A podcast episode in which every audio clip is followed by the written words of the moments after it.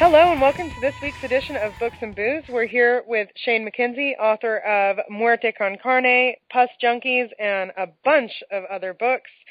This week's episode is brought to you by Miss Massacre's Guide to Murder and Vengeance, and hopefully you listened to the episode where we talked about that book with uh, Michael Paul Gonzalez. If you haven't, at the close of the show, we'll talk about it a little bit and uh, tell you why you should buy it. This is, as always, Renee, and I'm drinking some really terrible wine. Uh, Shane, how are you doing and what are you drinking? Yes, I'm doing very well. I am drinking a cup of my own pus, and it is warm Oh. and fresh and delicious. I'm so sorry that you said that to me. Oh my god. It took me all day to fill this cup up, all right? I finally get to drink it, and I'm thirsty. I cannot wait for the for the portion of the show where we talk about Pus Junkies just because of the pre-show talk that we had about it. anyway, we're like no questions, just comments. Just, Yeah. yeah, just comments. Yeah, I understand. Jessica wouldn't let me tell her about it, first of all. And then I was like, well, I'm not going to tell you what my notes are on it. Then I just, I only have a couple of questions and a statement. No, scratch that. I have one question. she t- she said, "Well, it's about," and she got to like the basic. I was like, "No, I don't want to know anymore. I'm good. That's fine. Don't need any more. Thank you, though." Oh, come on. oh, that's one of those I, I opted out on. I Rarely do You I really like- I was a gonna guest come over I didn't read And something. do a live didn't read it. performance of Pus Junkies for you. don't think. Jessica, But now I understand it's it's not welcome. All right, I'll figure something Yeah. out. Jessica, yes. no, Oh. no pus tonight. No, I'm having a Blue Moon Summer Honey Wheat because it's seasonal and the seasons are very fleeting, so I have to get it while I can. That's true. You can have Plus any day of the year. So enjoy that while it's there. It's always in season. Mhm. uh, anyway, so I have the best intro question ever Okay. based off of what just happened. Um, when I read the reviews of Muerte con Carne, a lot of people were like, "It's really disgusting. It's a gore fest. It made me sick." Like all kinds of things, and I want to know for you, is that an insult or a compliment? Oh, definitely a compliment. There's nothing that makes me feel better than knowing that the story I wrote made somebody have a physical reaction, like gagging or puking, um, or that or they don't want like other people to know they're reading that shit. That makes me happy. Um And surprisingly, I've had equal amounts of people telling me that even though it was disgusting, it made them hungry because I was describing tacos and menudo, and I'm describing it in a really gross way, and you know it's made out of people, yet they still got hungry. I don't know Well, uh, because-. Because street tacos are magic. They're Because they're always made magic out of people. We all know make that. white people fat.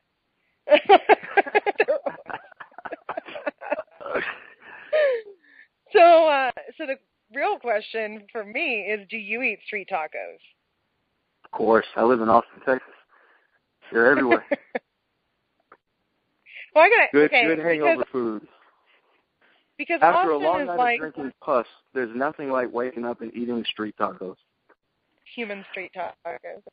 Human street well tacos. this this naturally leads me we had a listener question um hmm from from Sean Leonard and it was this is actually this is like part 2 of a two-parter but this is the only part that's pertinent right now. Uh which was between your novels and your entries in the Gross Out contest, have you yet written a story that's actually disgusted you?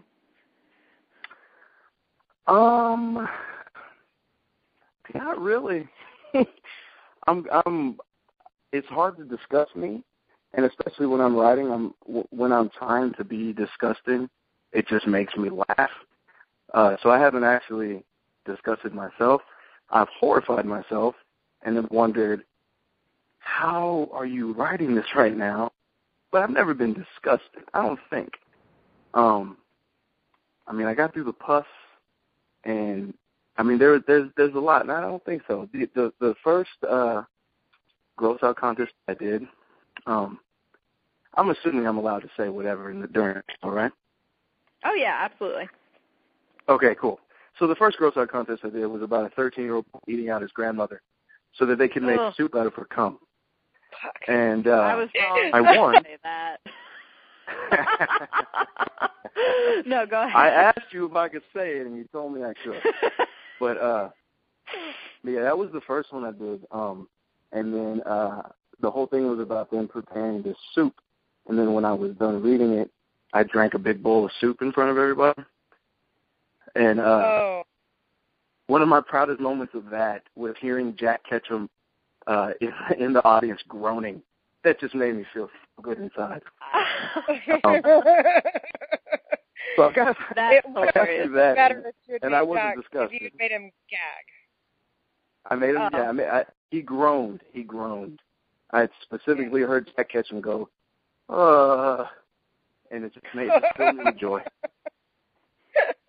That's pretty amazing. Uh, it's it's really really hard to, amazing. to discuss me with words. Um, I'm actually pretty squeamish um, in real life, like with real stuff. But Mhm. when it's just words, then it's to me it's just all fun. We're just playing. But if I prick, if somebody pricks their finger, I can't look at it. I can't. If I get when I get shots, I have to look the other way. Like I'm squeamish. so But- I can't. Okay, I can't watch when I get a shot because it goes in your body, and things that go in my body, Yeah, ugh, I don't like that. I don't. But I don't like when things go inside of me. I don't like watching them go in me. It's not. It's not a thing that I enjoy. And it is not the pain. It's just watching it go in, and then it stays in there for a minute. I don't like this. I don't like. It. But when you're I'm writing, exactly the opposite, writing all- actually. yeah. Like I can see blood and stuff all day, and it does not really bother me. But uh I'm gonna say this wrong, not the way I mean, but like in a movie, like gore doesn't really bother me in a movie, but like torture stuff does. I'm like, oh, I can't handle it. But if I saw that in real life, it does not bother me nearly as much, and I don't know why. If you saw someone being issue. tortured in real life, when Yeah. I said when I see it, does not bother me. you're like, No, I think it's Eh. like it's one of the many things. this is this is a a normal I see occurrence. Really weird stuff. get tortured. Yeah, that you know that happens, and it's Okay. not a big deal. but when it's in a movie, I'm like, ugh, I don't want to watch that. No, that's too much like my day job. Anyway, Okay, so before before we move on, I know I'm supposed to be Yeah. being interviewed. We can't just move past what you just said. What is your day job where you torture people all day? no, I'm kidding. I'm kidding. I work. I work at a college. Understood. Understood. there you go. the campus dominatrix. That's a lie. That's a lie. I made that up. I don't want her to get mad at me. Um No, so my question is though, is like when you're writing this stuff and you're thinking about it and you're imagining it, that doesn't get to you? Like you don't get inside your own head like that? No, I, I mean I do. Like there, like with Pus Junkies, that that was just all for fun. Um, I mean a lot of it came from when I was a teenager and struggling with acne myself. But the stories, you know, the tone is kind of silly and fun. But yeah, with, like Muerte con Carne, there there were scenes that got to me. They didn't disgust me, but emotionally, you know, drained me a little Yeah. bit.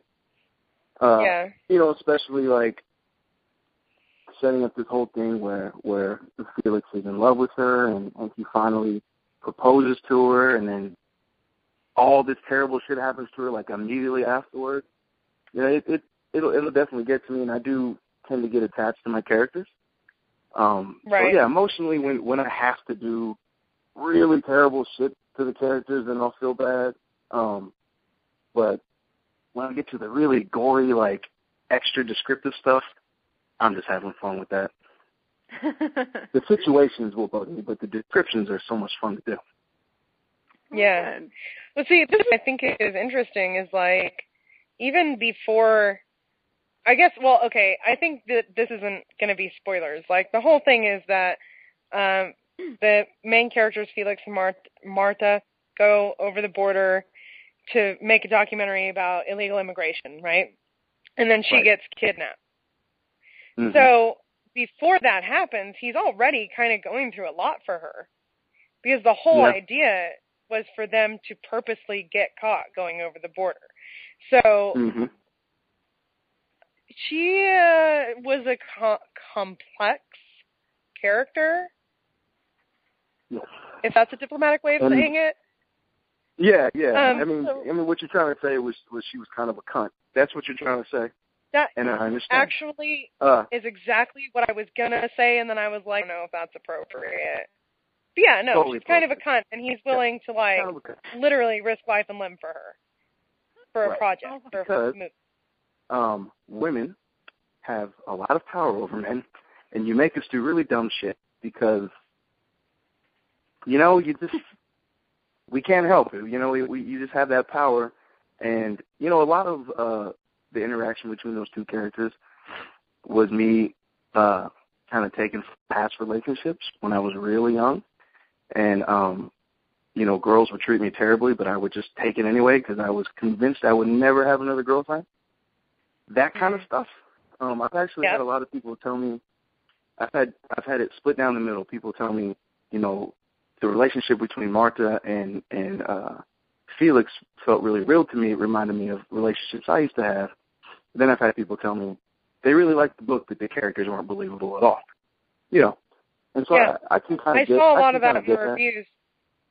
But Yeah. I feel like what you said is like there's so many people have relationships. Like I, I know, God bless him. I have a, a friend. We're still friends to this day. So hopefully he doesn't listen to the podcast. But I had a friend in college who, like, led, led a very sheltered life. Maybe you would say, Mhm. and like he ended up getting together with the most hated girl on campus. Like, uh, and this is a college. Like, people don't get into each other's Yeah. business in college like do in high school. But everybody knew this chick and hated her and like she because he had never had a girlfriend he had never like done more than kiss a girl like none of that and now he's like getting laid and whatever Right. it was he, she could make him do anything and if you Yeah. said like no dude like she told me to my face that she lied to you about that he would not believe you he'd just be like no no Oh no. you misunderstood Yeah, I've, I've yeah, I've I've had my best friends that I've known my life tell me,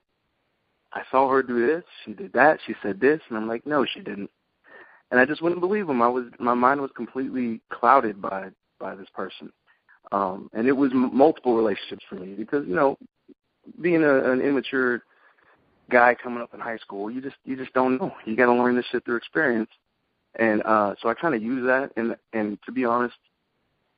I also didn't want to just write about your typical boring kind of relationship. Um, right I wanted there to be some some trouble and some some drama in there, kind of to just to keep the the edge of the seat feeling going, even though before the action, like you just you like you just want Felix to you either really want Marta to just finally be nice to Felix, or you want Felix to just say "fuck you, I'm out of here." Um, but Right. before any of that can happen, then you know, cannibal Mexicans happen, which is kind of I wish back in the day, I wish cannibal Mexicans would have happened to me and saved me from all the shit that I had to go through. I feel like you know it's it is that classic story: boy meets girl, they fall in love, there's some trouble, and then cannibal Mexicans Mhm. happen.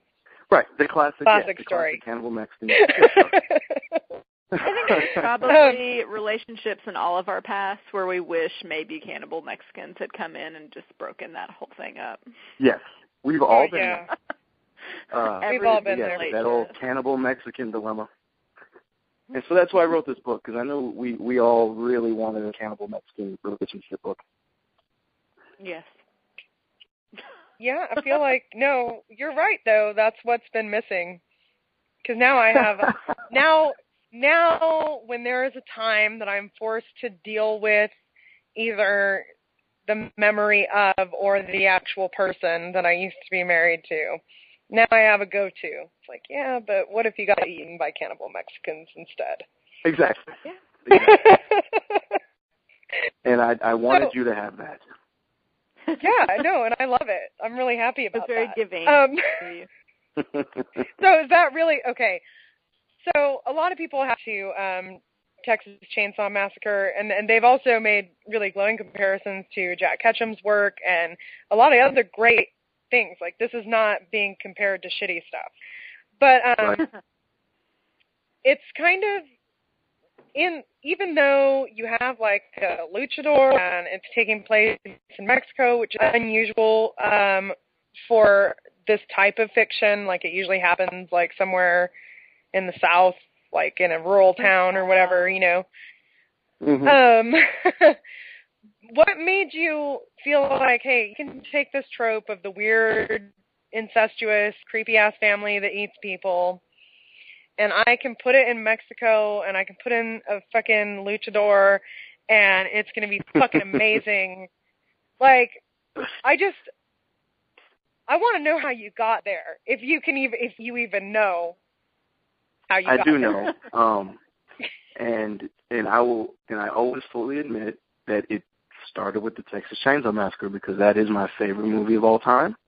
Awesome. And um, I live in Austin. You know, I'm real, real, uh, real big on my my Texas villains. But uh, so when I when I first started trying to figure out what my next novel was going to be, I thought it would be kind of cool to do kind of an homage to the Texas Chainsaw Massacre. But uh, that's kind of been done over and over and over again. Like you said, it's it's a trope at this point, the cannibal family. And so uh, I kind of thought like, if there was a Texas Chainsaw Massacre today, it would probably be all Mexicans. It's really as simple as it was because, um, you know, there's a lot of Mexicans in Texas. So, uh, and and you know, there's there's the whole issue of of you know illegals crossing over in the border and all of that, and it just it just kind of all clicked. You know, as soon as I started thinking about uh, using Mexican characters, and I was thinking, well, if they're a cannibal family, they can hunt right on the border as illegals are crossing over, and nobody would ever know. And it just it really just kind of kind of uh, the idea wrote itself. And then I started thinking about, well, if I'm going to have, you know, this Mexican family, and I'm and and I want this to be my iconic, you know, cannibal family, I need that big slasher character, and I'm really really into to like 80s and 90s slasher films. Yeah. And so to me, part of that is the mask. I love the mask, and so the luchador mask just kind of came naturally because I'm already Yeah. dealing with Mexicans, and it just fit perfectly. And I mean, literally, it it it, it was almost easy. Like it just all kind of came together for me. Um, and I That's actually really cool. wrote. Yeah, I wrote an entirely different version of the book, um, and then started over just because I didn't quite like where I was going with it. And so the the writing process was more difficult, but with coming up with the premise and just the idea of it all just kind of all happened pretty pretty easily for me. It's it's funny that you said like when you were trying to think about how it would happen, you're like, oh well, it would be Mexicans because when I was making my notes, I was like, actually, you know, border towns, they are crazy, and you do hear all these terrible stories about people like hmm they're trying to cross over and they, well, Yeah, all I- kinds of I did a terrible lot of- happens. Yeah, I did, I did a lot of research. Um, it's really bad. You know, like the, they'll get Yeah. caught, and if they're not beaten or killed, they'll be sent to prisons in another state sometimes, and none of their family will know. So they just have no Yeah. idea where they are for years. Um, and so, and it's it's untraceable. Like you know, you don't. There's no way to find out. And so that's why it just kind of felt it just felt perfect. Like you know, this family could eat all of these people, and no one would ever know. Right, because they would just assume like, oh well, the coyotes killed him, or oh well, Yeah. The they border patrol died- got him, or the whatever. desert. Yeah, there's so many possibilities, but you know, cannibal Mexicans. For the record, I didn't mean the dogs, coyotes. I felt like that sounded weird. I was like, wait, no, not animals. Anyway. I was with Evil men with with vans is what you mean. Yeah, exactly. Well, because the guys that um pull the people over the border, sometimes they're not nice people. Big surprise. Yeah. I know. But anyway. hmm Um, so did it did you feel okay because i don't know what it's like i live in california and i live like literally just close enough to the border that every so often i'll see border patrol driving around right Okay. and it always feels Yeah. really weird because i'm like they're not what but I feel like it's probably different in Texas because there is a different culture in Texas.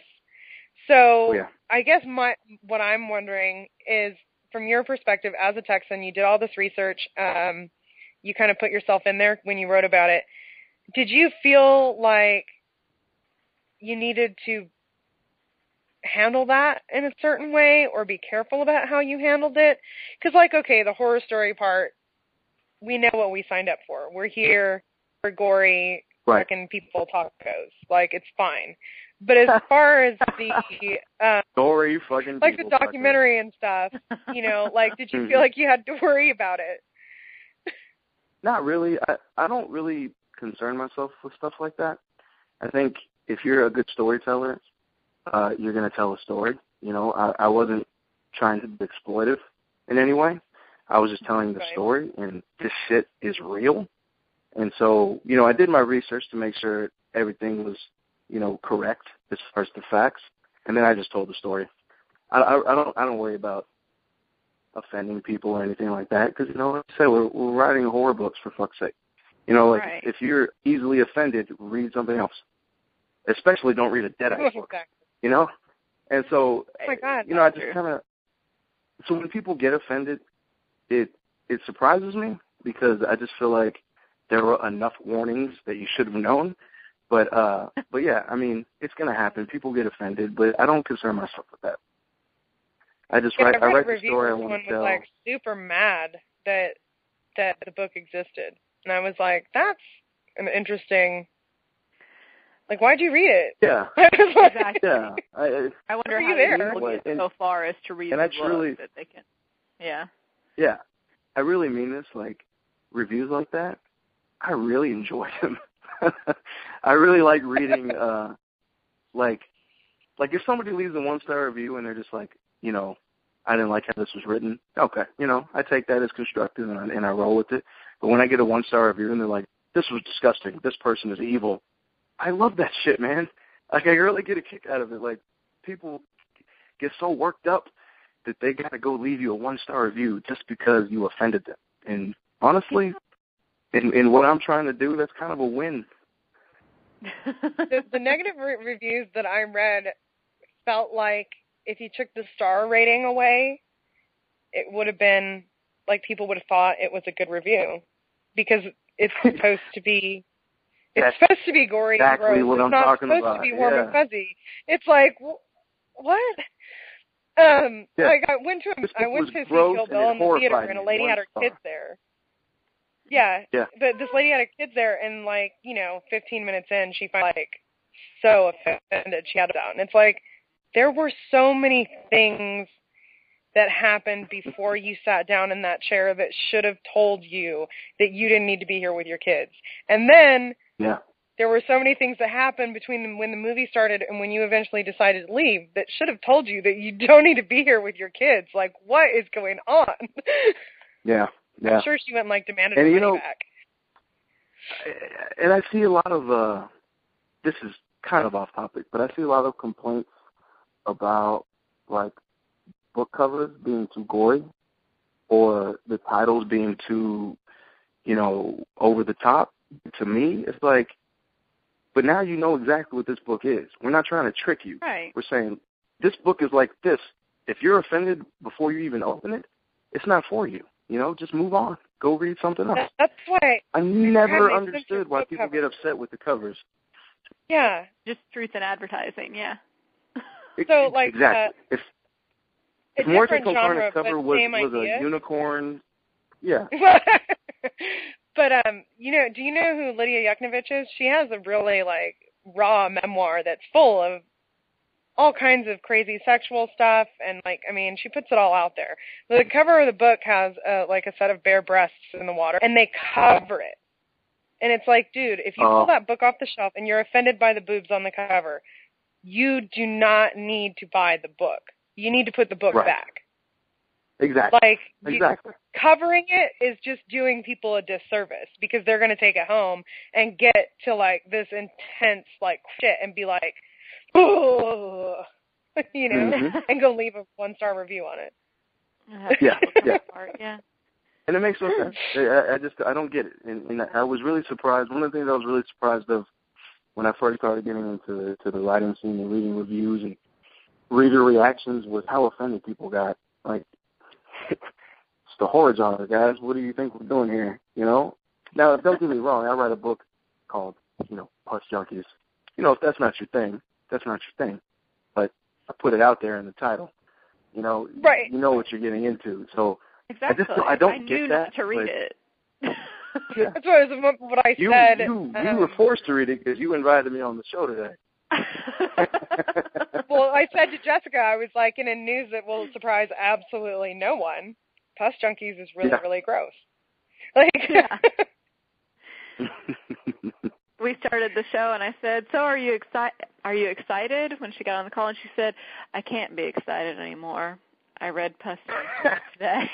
I, I said it's really I killed hard your to be excited excitement. after reading. awesome.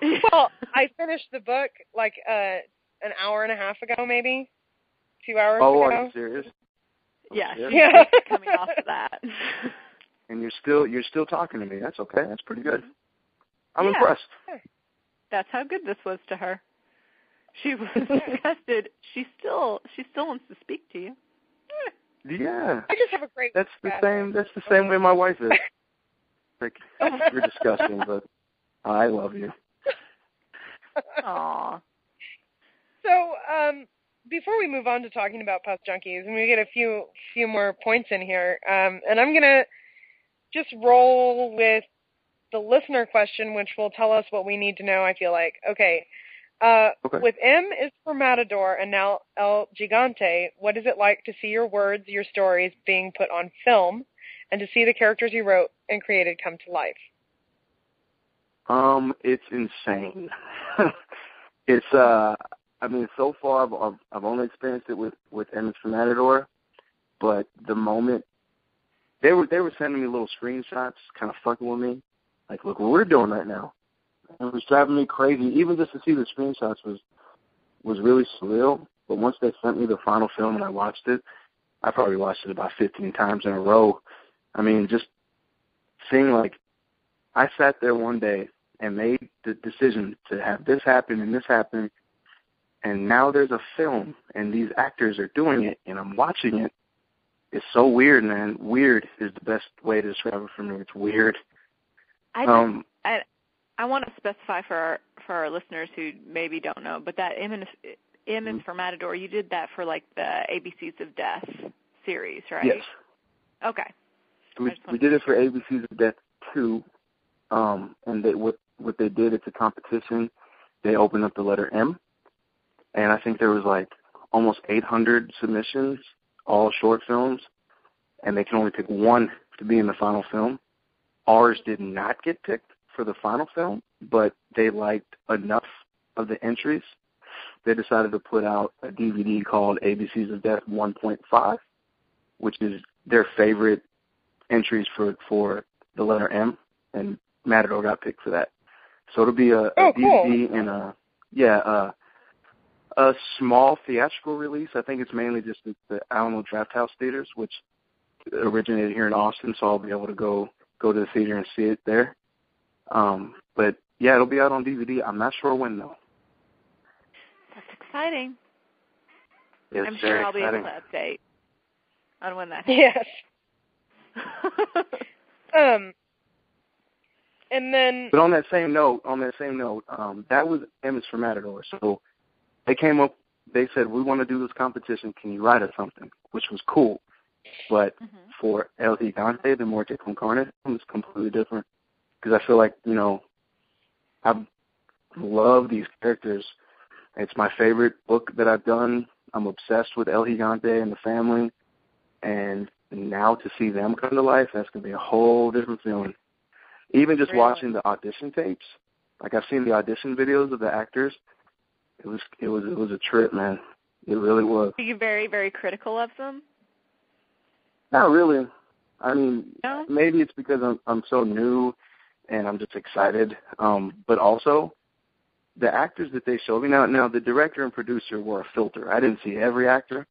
They picked their favorites and showed me their favorites. Um and they did so good that I was honestly I was blown away. I didn't expect it to be that good. And so I really didn't have much criticism at all. Well, that's great. That's really cool. Yeah. Oh, I can't wait for y'all to see it. It's going to be amazing. It starts filming in two days. Two days. Wow. Oh my gosh, that's right Mhm. here on us then. Okay. Yeah, yeah. Mm. And it's filming in Vancouver, Canada, which makes complete sense because the film, you know, the book is about the United States Mexican border. So of course we would Well, film every- in Canada. Everything gets filmed in Canada because it's cheaper, I think. Mhm. Like the X-Files, Right, yeah. and everything. Yeah. it's amazing. Well, congratulations. I feel like I'm interested, Like, like- that's Thank you very much. It's very exciting. Where I'm in losing my Vancouver mind right looks like Mexico, though? You know? I don't know. I, an open field somewhere, I guess. But figure that out. the the honestly the Luchagore crew they're so good at finding locations, building sets uh, on a budget, and they, these guys are skilled. So I have complete confidence that they're going to find the perfect spot. Actually, I just got a screenshot yesterday of the taco truck that they're going to be using, and it is awesome. That shit rolled right out of my head. It looks just like I always thought it should. That's really cool. That is so great. Mhm. And in line with what you were saying earlier, all this is making me want tacos. See? You see? You know it's made out of people, but it just sounds kind of good still. I mean, I'm hungry right now. Actually, I would love, I would love a people taco.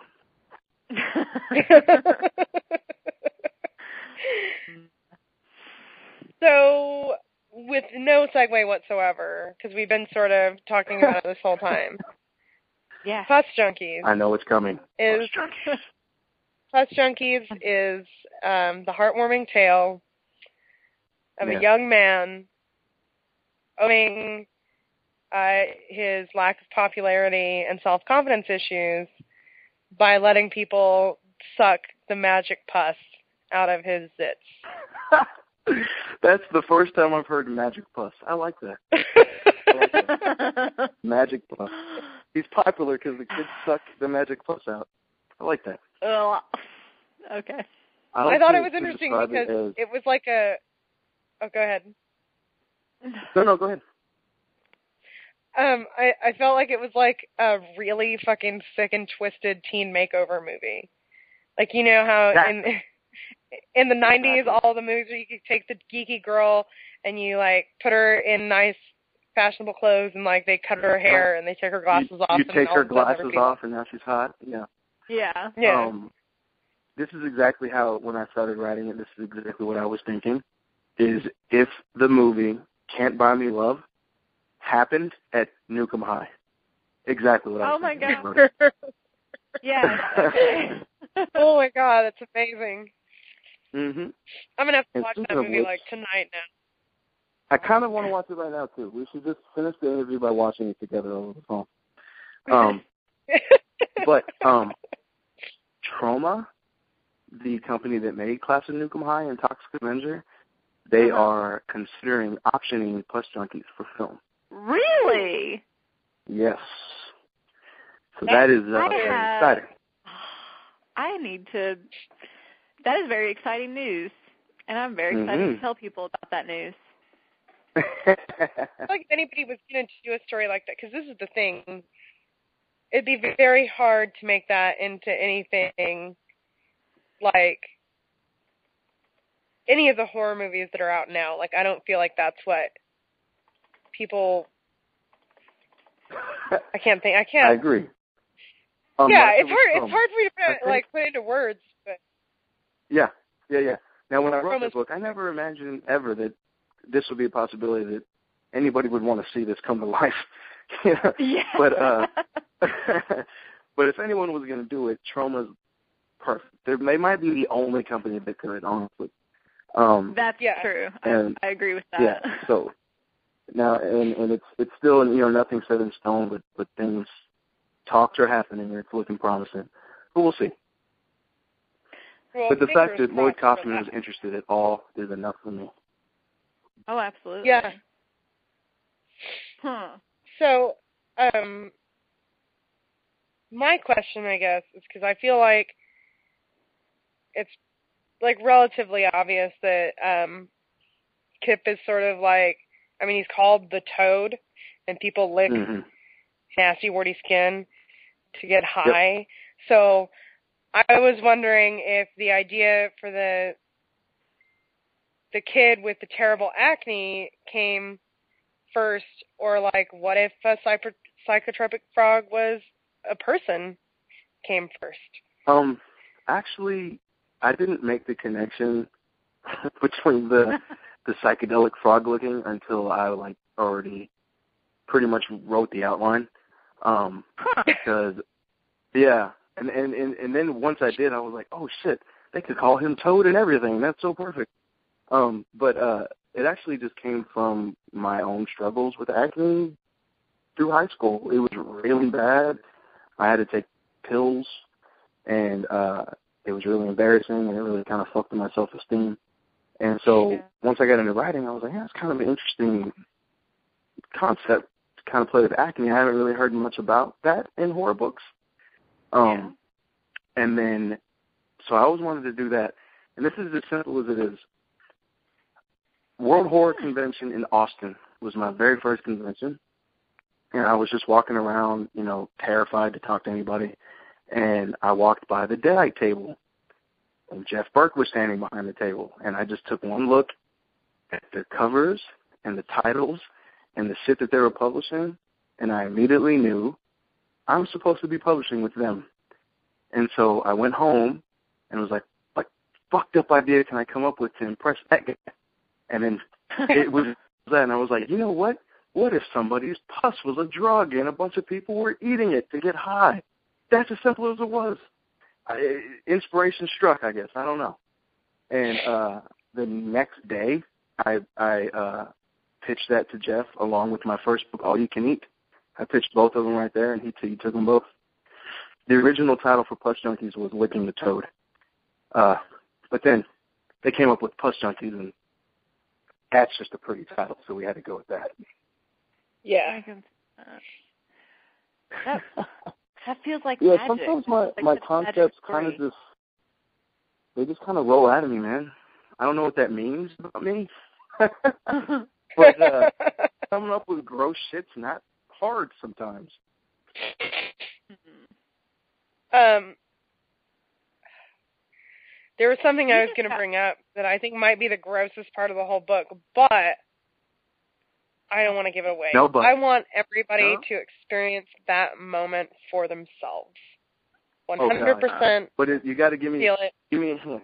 Give me a hint so I know what you're talking about. Um, what Chuck does when he thinks that he's not going to be able to get any more pus. Yes, I know exactly. what you're talking about. that was so much fun, to write. That was so much fun to write. I was just Oh, see now. I want to talk about it. All right, we we, we won't talk about it. Everybody, what I like about- Yeah, Chuck does a really gross thing. Well, he does several gross things in, in the book. um, what I really liked was um, that while they were high and like while the the main character uh, Toad Kip was like getting into like the benefits of all this and they were being really altered, Mhm. I guess is the best way to say it, that you Right. still had like injections of rational thought that were coming in and like making them kind of face what they were doing, but then they would go back into full on junking mode. And I thought that was really interesting because I feel like if you were reading it and that wasn't there, that you'd be like, Oh come on. yeah, Who's gonna suck pus off somebody's face? Like right, right. I do it all the time. What are you trying to say? no, I, I, when, when now I you've write, offended the when I write, uh, when I write gross shit like that, I, I, I try to make sure to, to to add some, you know, if a real person was in the situation, what would they be thinking about what's happening? You got to add some of that in there because, like you said, you know, you're gonna have those oh come on moments, and I don't want those moments. At least I want to minimize those moments. And um, and if I'm just gonna be honest, I've had a lot of experience with drug use. Um, Mhm. I don't, I don't anymore, but I did. Um, and while you're in that mode, you'll have those quick little flashes of, what the fuck am I doing? yeah. but then another wave of you will hit you, and you're like, oh yeah, this is what I'm. And that's just how it is, you know. Even even in the in the midst of a really potent high or whatever, you'll get those little quick little flashes of almost like you know like like your sober self saying, you shouldn't have done this, you know, and uh, quick little little panic moments, and so I kind of you know try to add some of that in there, but but yeah, I think you know especially since this is a made up drug and it's disgusting, you know, I thought it was important to show them every now and then, kind of taking a step back, like what is wrong with me, and then but this feels so great, I want more and and it was kind of uh it was kind of fun to to just make all of these douchebags really really want the nerdy kid. There's something really uh Yeah. satisfying about that. I, I did it's kind like of that it was like the weirdest bully revenge story ever. yeah. because and, and this is what I was saying uh, I said earlier is like the the thing about junkies is you don't on the descriptions you don't like make it comfortable there's no like looking away like it's not like it says and then um the popular guy sucked on Kip's face. Like goes into detail. You really Oh, yeah. like you can't not see it when you're reading it. But even though it's so uncomfortable and it's so like, oh, the story is so good that you like even if you're like me and maybe um eating pimples grosses you out, um there's got to be somebody out there that's like me in that regard. Um but you you still want to keep going and you still want to see what's going to happen. And uh, what I thought was even funnier is this is like maybe a personal thing, but when it gets really super nasty, gory towards the end, that was actually almost like a relief really? because it. Yeah, well, because for me, the thing that was really the problem was eating pus. I guess so. I see what you're saying. Yeah, because was once once you it gets ridiculous and over the top, then it's it's a little less real maybe, and you're not thinking about actual little white globs of pus. Well, that's what I mean. Is like and- I don't know how to say it without giving anything away, but I'm trying to choose Yeah. my words very carefully right now too, because I don't want to give anything away. Uh, but I feel you. I understand what you're. Hmm. So we're gonna run out of time if we don't hit some listener questions now. Um, Okay. And there isn't like I said, there's just not a whole lot to say about pus junkies. Like either you're the kind of person that's like I could read about people sucking pus out of other people, or you're the kind of person who can't. And if you're the kind of person who can, you're probably going to enjoy the book because it's a really enjoyable book. I'm really glad. Like, that it's you about say your that. And- And I, I, I try really hard, no matter how gross or over the top or ridiculous the subject matter is. I'm still telling you an interesting story or doing my best to do that. And so, you know, I've heard that a lot. Like you said, it's disgusting. I want to throw up in my mouth, but I still kind of enjoyed it. And to me, that's like that's the best compliment. Like I was disgusted, but I also really, really enjoyed the story. That's exactly what I'm going for. So it's good to hear. Well, I would say for me, what I hate the most, I guess, about some of the more popular um, horror films that are uh, like torture porn and gross out movies is like you're watching them and there's all these special effects and there's all this gore and it's so gross. And every so often you'll see this moment where if they wanted to make it a good movie, they could have. Sure. But then they just didn't. And they, Mhm. you know, like so it's like I don't mind being grossed out. I don't mind like seeing lots of blood and guts or anything. But I mind if you're cheating me out of a story that was obviously there and you chose Yeah. to dial that story back or failed to develop it in favor of coming up with new and interesting ways to like blow somebody's head up. You know? Sure. Now, and and to be fair, it, I think it's it's easier to to tell a good story in a book because we have more time together, True. and I can I can let you into my character's head, and you can see what he's feeling and all of that. But in a movie, you got an hour and a half, two hours, and Yeah. they really want to show you all these cool special effects they can do. You know, and so I, I get that. I, I, I, do, I completely agree with you still. Um, but I think, you know, as far as telling a good story and still being able to have the freedom to be as gross or whatever that I want to be, that's what makes books beautiful, man. Yeah. The ability to be as disgusting as you feel like. Um, Exactly. so Jesse Lawrence has a couple of questions, and they they seem like good questions. So I want to get them in. Um, Cool. First, he says, "What can you tell us about Jackpot? When might we see it? Oh, Um, and what was it like writing a novel with three other people?" Mm. Jackpot um, is actually being uh, designed right now. It's pretty much finished at this point. Um, the writing and the editing is done. We're just waiting for the cover, uh, dust jacket, and all that to be to be uh, designed. Um, but I would say you can expect that in a couple of months. And as far as writing with four other guys, it's not always easy. I've done it a few times now. But honestly, with this group, it was easy. We just had a blast, man. Um, the the premise of the book is it's real simple. What if a serial killer won the lottery? And uh, so I I wrote the the intro where he's got all these people in his basement chained up, and he uses he randomly kidnapped them, and he uses their ages as his lottery numbers and then he hits using that. And then it's just from there it's it, it gets into like Adam Cesare uh wrote the lawyer coming into town, uh trying to weasel money out of this guy. And uh it was funny like in the, when I wrote the intro there was just a, a quick part when he's in the convenience store getting his ticket. He has a small interaction with this little old woman buying Rocky Road ice cream. And Kristopher Rufty took that character and made it like the other half of the book. Like she's this crazy old woman with this fucked up hillbilly family. It turned out to be a huge part.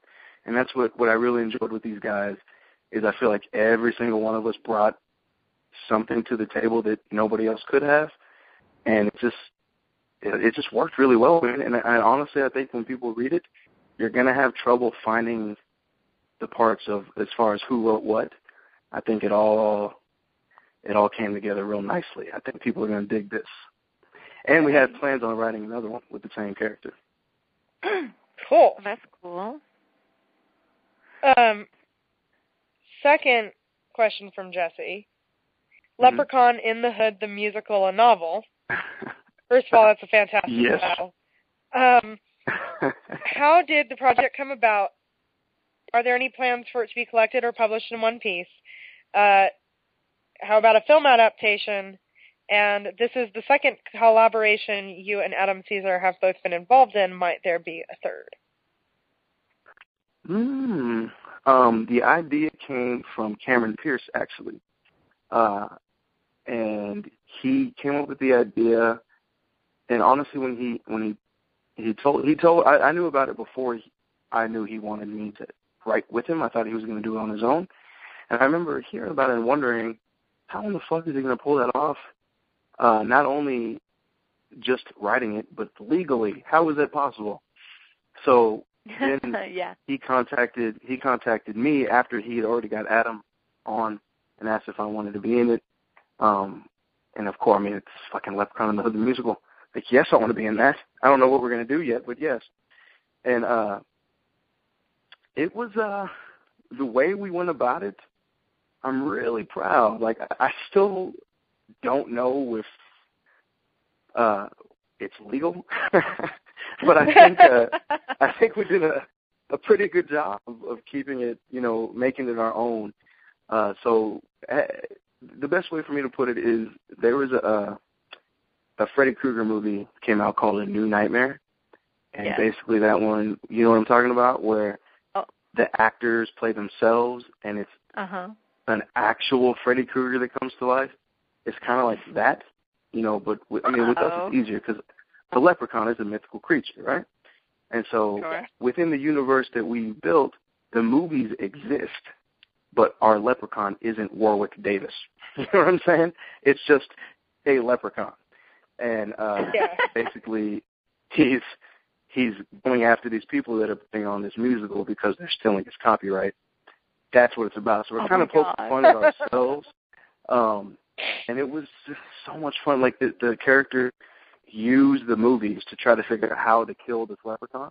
Like okay, in the first movie it was four leaf clovers, and then it was like metal poles, and then melting the gold. I mean, there's so many different things. We even fuck around and make fun of the whole leprechaun space thing. But uh man, that was a really fun, fun book to do. Um and as far as it coming out as a book, that's the plan. We were trying to do something a little different. Um, we had interest- interested, but we want to experiment a little bit. And again, Cameron's idea to do to put it up on Reddit, the Reddit horror site, for free, uh, serialized, and I was into that because to me, the most important thing is that people read my shit. So Right. I will gladly give any of my books to you for free if you'll actually read it. I'm not really worried about making the, the two dollars or whatever I'm going to make. You know, so it's you know when he came up with that idea, I was like, hell yeah, let's put it up there. Um, so once the thing's up there in its entirety, then we'll we'll revisit, you know, finding a publisher to print it. But as of right now, we're just focusing on on the Reddit horror thing. And uh awesome. the last part of the question was what? Me and Adam. Yeah. Um, I really don't fucking like Adam. So I can see that. probably gonna be that's gonna be the end Yeah. of that. No, I me and Adam honestly we really work well together. Um, there's no plans to do anything else except for we did talk about another jackpot book. Um, but if we kind of came up with an idea, I would ride with Adam in a heartbeat. Easy. That dude is insanely talented. Isn't he? So fun. He Mm-hmm. is. He's a nice guy too, despite the fact that you hate him. I'm just gonna throw it out there. We Yeah, think yeah. he's nice. I don't I don't and then one I don't like his face, okay? But he's a nice guy. one more um, before we run out of time is another one from Jesse, which I thought was great. Uh, who would win in a battle between a werewolf and a unicorn? hmm. But who would win in a battle between a werewolf and a unicorn? I know the Well- right answer. The right answer is a unicorn. That's ridiculous. First of all, we don't know that much about unicorns, okay? Um, we know what to kill a werewolf. What? How do we know a unicorn's horn isn't pure silver? Also, You know, a and- and werewolf actually- is only a werewolf like a couple times out of the month, right? That's you know what that's true. And a unicorn is a unicorn. He's not very much practice Every being a werewolf. Always. So yeah, he, a Yeah. unicorn is really good at being a unicorn. A werewolf, yes. Yeah, it takes practice to be a werewolf. You got to be a werewolf for like 30 years to get the level of Yeah. experience at being a werewolf that a unicorn has in a month of being a unicorn. That's Exactly. true. That's exactly right. And they have the power of rainbows. And, Yes, and the no, of do not underestimate the power of rainbows, guys. That's right. Don't do it. That's right. You'll be sorry. Don't you do not do it. Question answered. So real now, quick, now we have a a, couple were, a, a unicorn, oh. a unicorn with the werewolf disease is kind of blowing my mind right now when I think about it. that So if there was a battle one. between a werewolf and a unicorn, and the werewolf injured the unicorn, and the unicorn ran off, would he then become a werewolf unicorn? He That's my next book right there. He would what if they're immune? You don't know that, Jessica. You can't know that. Oh, I do know that. That's true. I've Oh, I do, I do know I've said too much, but I do know that. that. Too much. This part of the interview must be omitted yeah, we're gonna have to cut. before the the unicorns come for me. They'll just be a It sounds like uh, we we've got a couple more minutes before I have to get on to um, talking about our sponsor. Um, Okay. So I know you wanted to talk a little bit about some comic books you're involved in, and I'm you have approximately three minutes. Three Go. minutes. Okay. Three I minutes. Go. uh, am writing comic books for Zenescope Entertainment. I have two out right now. The the second one just came out last week. It's uh, Grimm's Fairy Tales number 97, and it includes a new character that I got to create, the Tooth Fairy. And um, you would be surprised because these comic books technically are for teenagers. Of the shit I got away with in this comic book. Uh, they had to tone some of it down. They had to cut some of it out.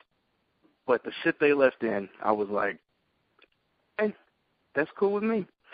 Uh, but Mhm. comic books are so much fun to write. I'm having the time of my life with comic books right now. Um, the first one I wrote was for the Oz series. I wrote the Scarecrow issue. Um, Oh. That came out in March, and then the the Fairy issue just came out last week, and they are starting. I technically don't know if I'm allowed to say this, but I'm going to say it anyway. Uh, they're coming out with a series called Tales of Terror, which is kind of their Tales from the Crypt kind of a thing. And uh, the third script I just turned in and that was accepted is for that. And it includes a character named Karis, who's basically the Grim Reaper, and she kind of acts as the Crypt Keeper character. It's gonna be fucking awesome. Nice. How much time do I have left? It's Is that three minutes? awesome. You have about a minute. You still One have a minute? Okay. Go. Um, I um okay. There's an artist named Frank That was five Walls. seconds. Oh my God. There's an artist named uh, artist named Frank Walls who is incredibly talented. Me and him are currently working on a comic for Heavy Metal magazine, and we are also going to be doing a Muerte con Carne graphic novel. oh wow. Yes. Yes. I just got so excited. Mhm. It's going to be sweet, That sounds awesome. but it's going to be. I'm, for the comic. I'm going to change it to where all of the characters are unicorns. Perfect. That sounds fucking Mm-hmm. amazing. Is there going to be a werewolf unicorn though? I haven't decided yet. You're getting way ahead Okay. of me right now. I feel like there needs to be a werewolf unicorn, or I'm not gonna. I'm not gonna read it. We're not going to read it. I will not. I, I, I have a will new rule now that Keep everything I read from now on has to have a werewolf unicorn in it. Well, he's not going to send it to you for free if you're not going to read it. So. Hmm. Yeah. I'm going to write you a werewolf unicorn story, and I'm not kidding. I I'm can't not kidding at all. That's going to Good. happen. If, This Okay. is a good day. um. Okay, so I got to talk about our sponsor. I, I'm just so excited about werewolf unicorns. I can't even right now. Okay. Um. Okay. Our sponsor is Miss Massacre's Guide to Murder and Vengeance. And uh, anybody who listens to the episode with Michael Paul Gonzalez knows that Jessica and I love this book. Good. book. Um, and it looks cool. If you buy it, like the paper copy, it looks so cool. Do you have anything to add, Jessica? it's such a good book. Everyone should read the book. Just No, everyone. for real though. There aren't it- any werewolf what's called unicorns in it. Miss Massacre's Guide to Murder and Vengeance. Nice. Michael Gonzalez. Nice And- title. I like it. It it is Yeah. very Oh. very good. I promise you'll love it. And I promise, I also promise you will never see the end coming. Ever. All right. Maybe you Never will. see. Maybe you give it a will. Okay. Well, I saw Um, it like a yeah. page before it happened. I don't know if that counts. Well, yeah. That's what I mean. Like, you're not going to. Come on. Well, okay. three sentences before the big reveal, I figured. Before the reveal, Oh, yeah. I knew. Mm.